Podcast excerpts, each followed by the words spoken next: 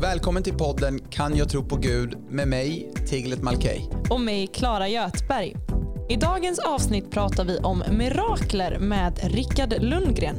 Han fyller 50 i år, har tre barn, är gift med Karin sedan 28 år tillbaka. Åtta år har han arbetat i Norge som evangelist och 20 år i Katrineholm.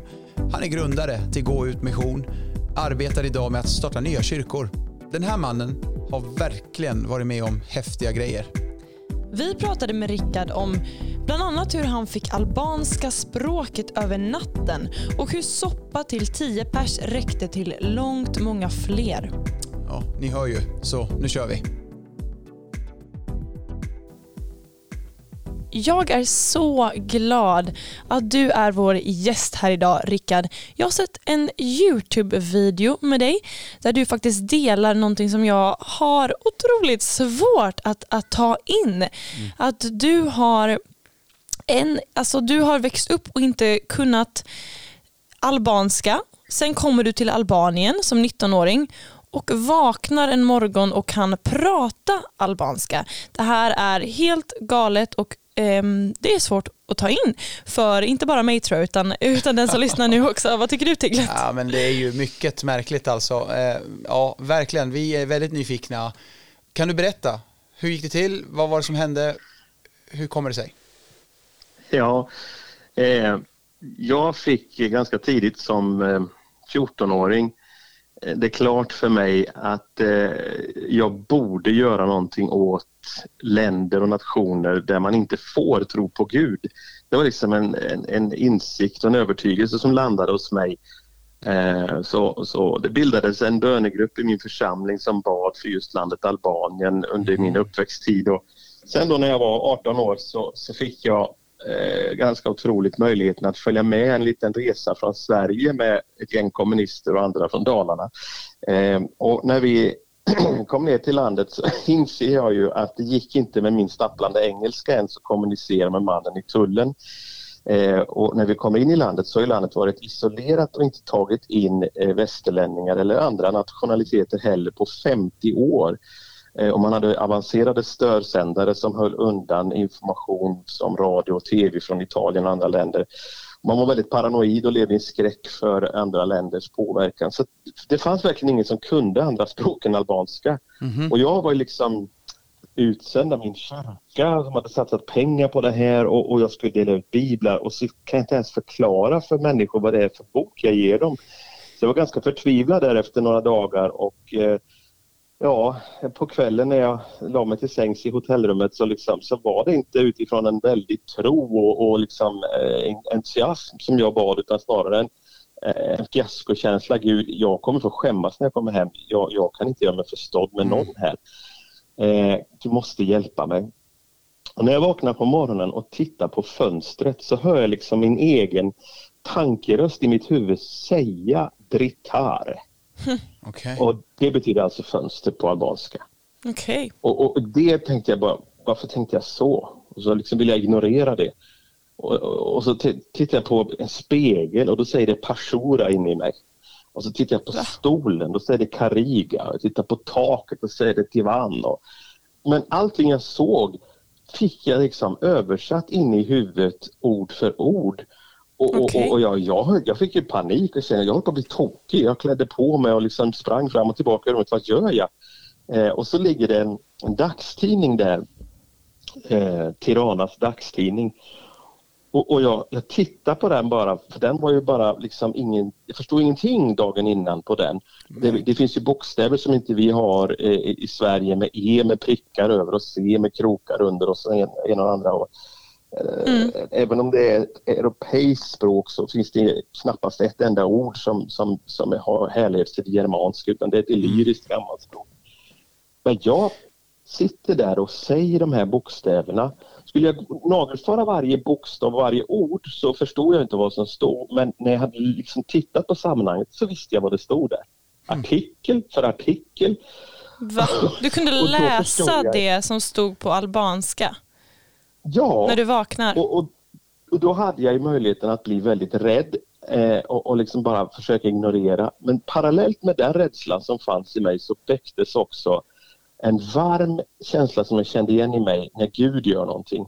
Så jag hittade en trygghet i det hela och samlade mod till mig och gick ut i korridoren och knackade på en dörr som jag tänkte var där guiden sov. Han var alban. Jag vill fråga honom kan sånt här hända?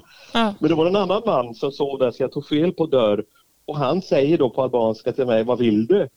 Och jag känner när han säger att jag förstår att han frågar vad jag vill och, och, och jag liksom Ja, förstår du mig? Ja, men hur, hur kan du prata vår norddialekt i norra Albanien? För Va? det blev ju extremt. Jag pratar alltså en dialekt som man pratar uppe i bergen där inte ens folk i huvudstaden har varit där uppe. Jag själv har varit där senare och det var jättekul. Eh, på bussen dit var det en kvinna som gick fram till mig när hon hörde att jag pratade och sa till mig Snorunge flytta på dig, här är min plats. Bara för att hon var Men, så säker va? på att jag var alban. Eh, och Men, det, detta blev liksom en början på saker som sen spann vidare i Albanien så att jag fick senare få faktiskt möta presidenten och förklara för honom att, att Gud har gett mig ert språk därför att han älskar er. Jag kan inte säga att han blev en kristen, det vet jag inte, men han blev väldigt fascinerad av tv-program om detta. Det här låter ju otroligt häpnadsväckande. Mm. Träffa president, eh, vart det alltså en nationell nyhet att du lärde dig, att du fick språket albanska övernaturligt?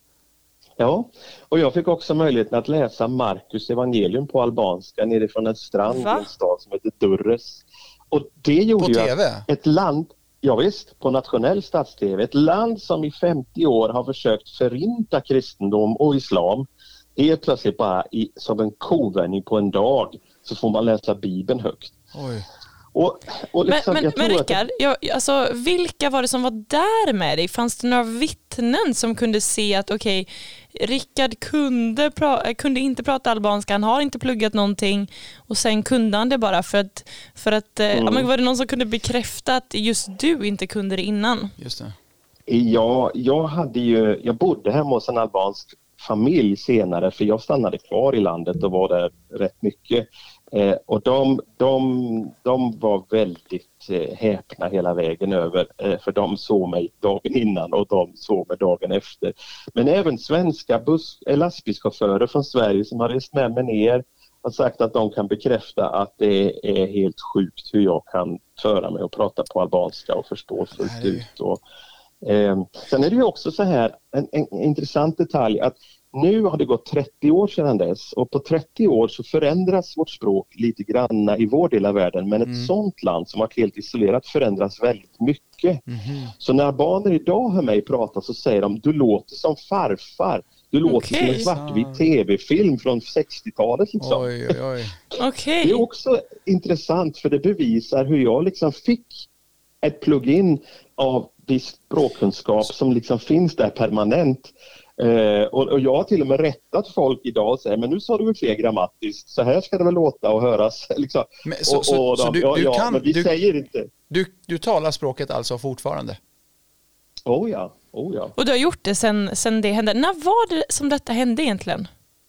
1988. Och sen dess har du kunnat albanska flytande?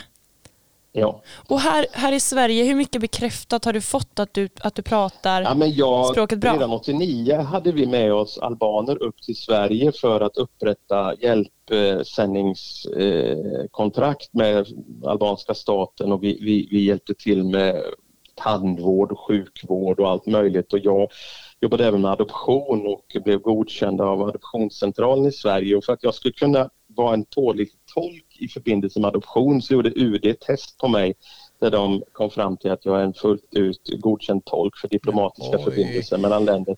Men, men, men även kyrkorna som jag besökte ställde ju frågorna till de personer jag hade med mig.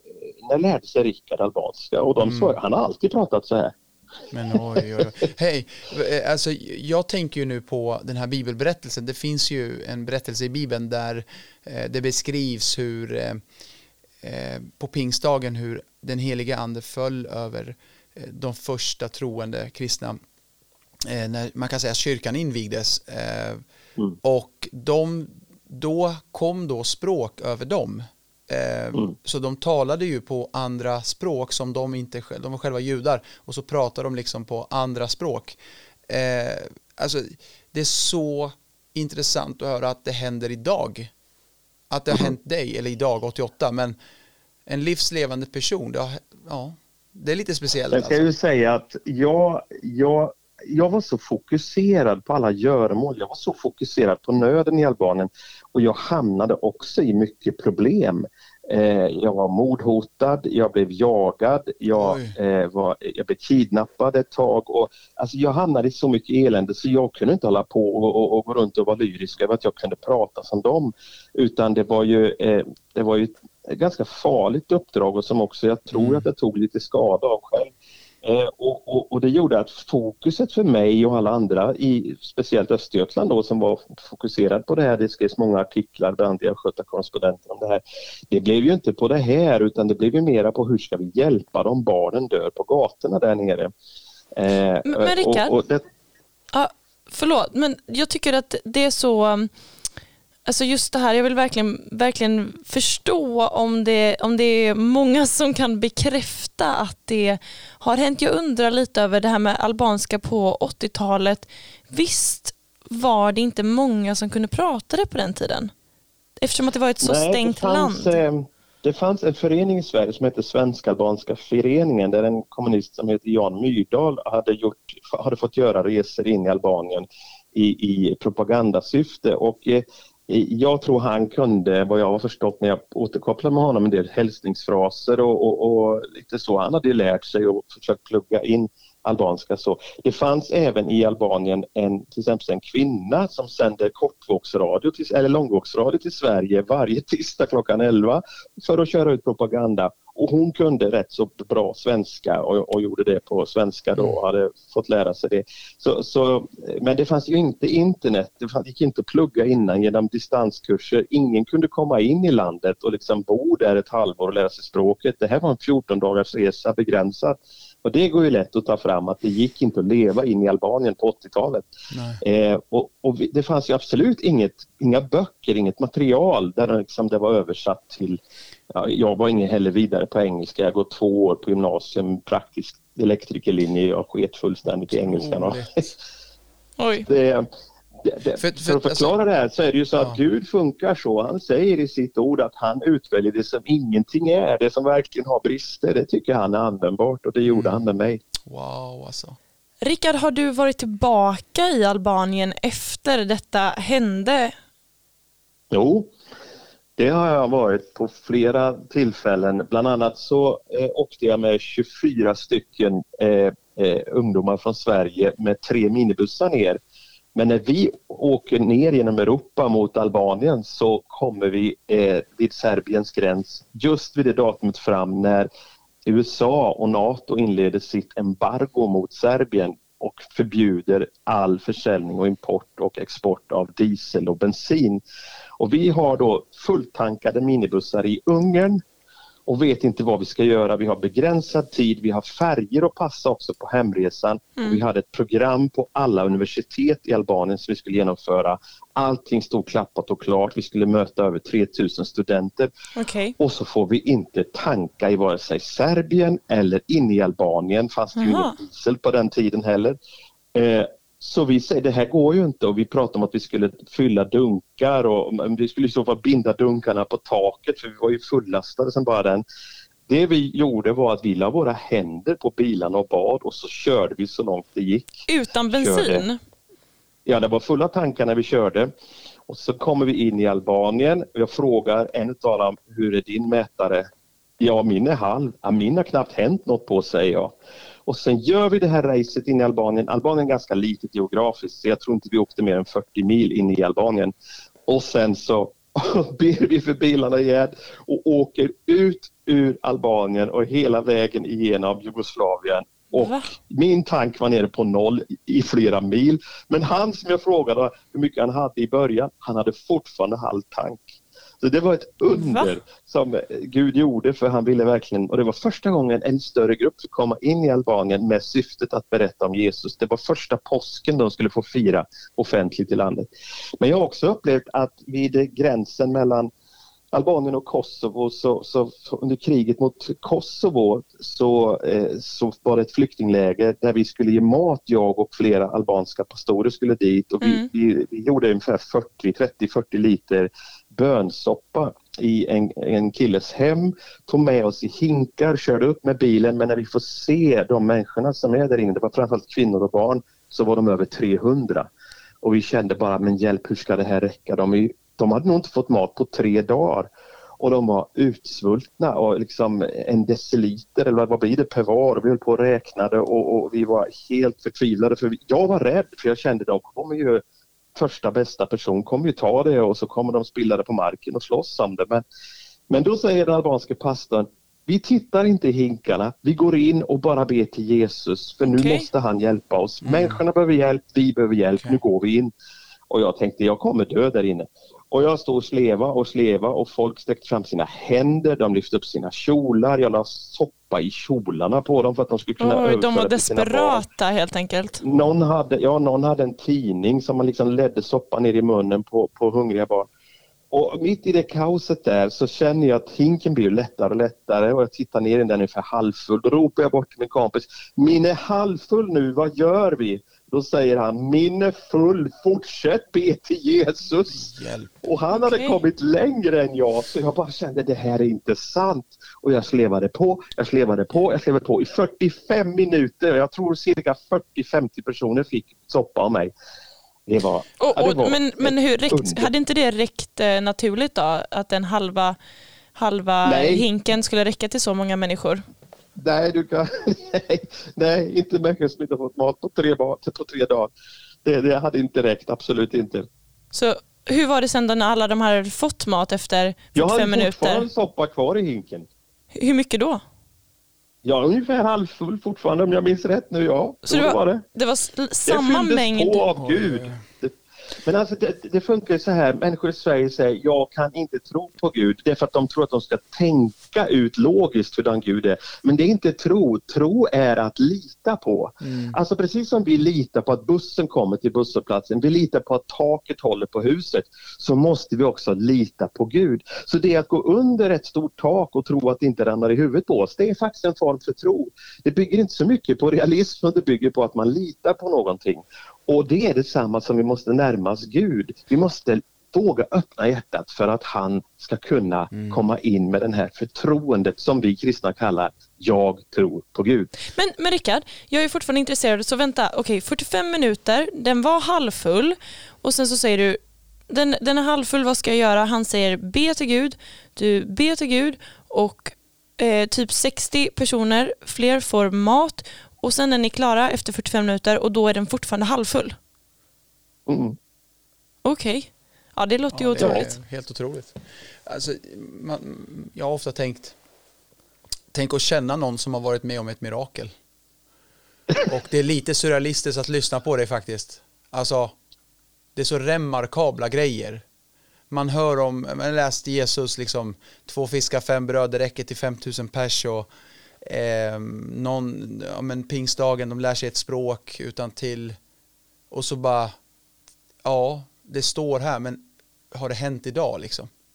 Och det, det, det tar tid att smälta det du säger, för att det är så stort, det är häpnadsväckande.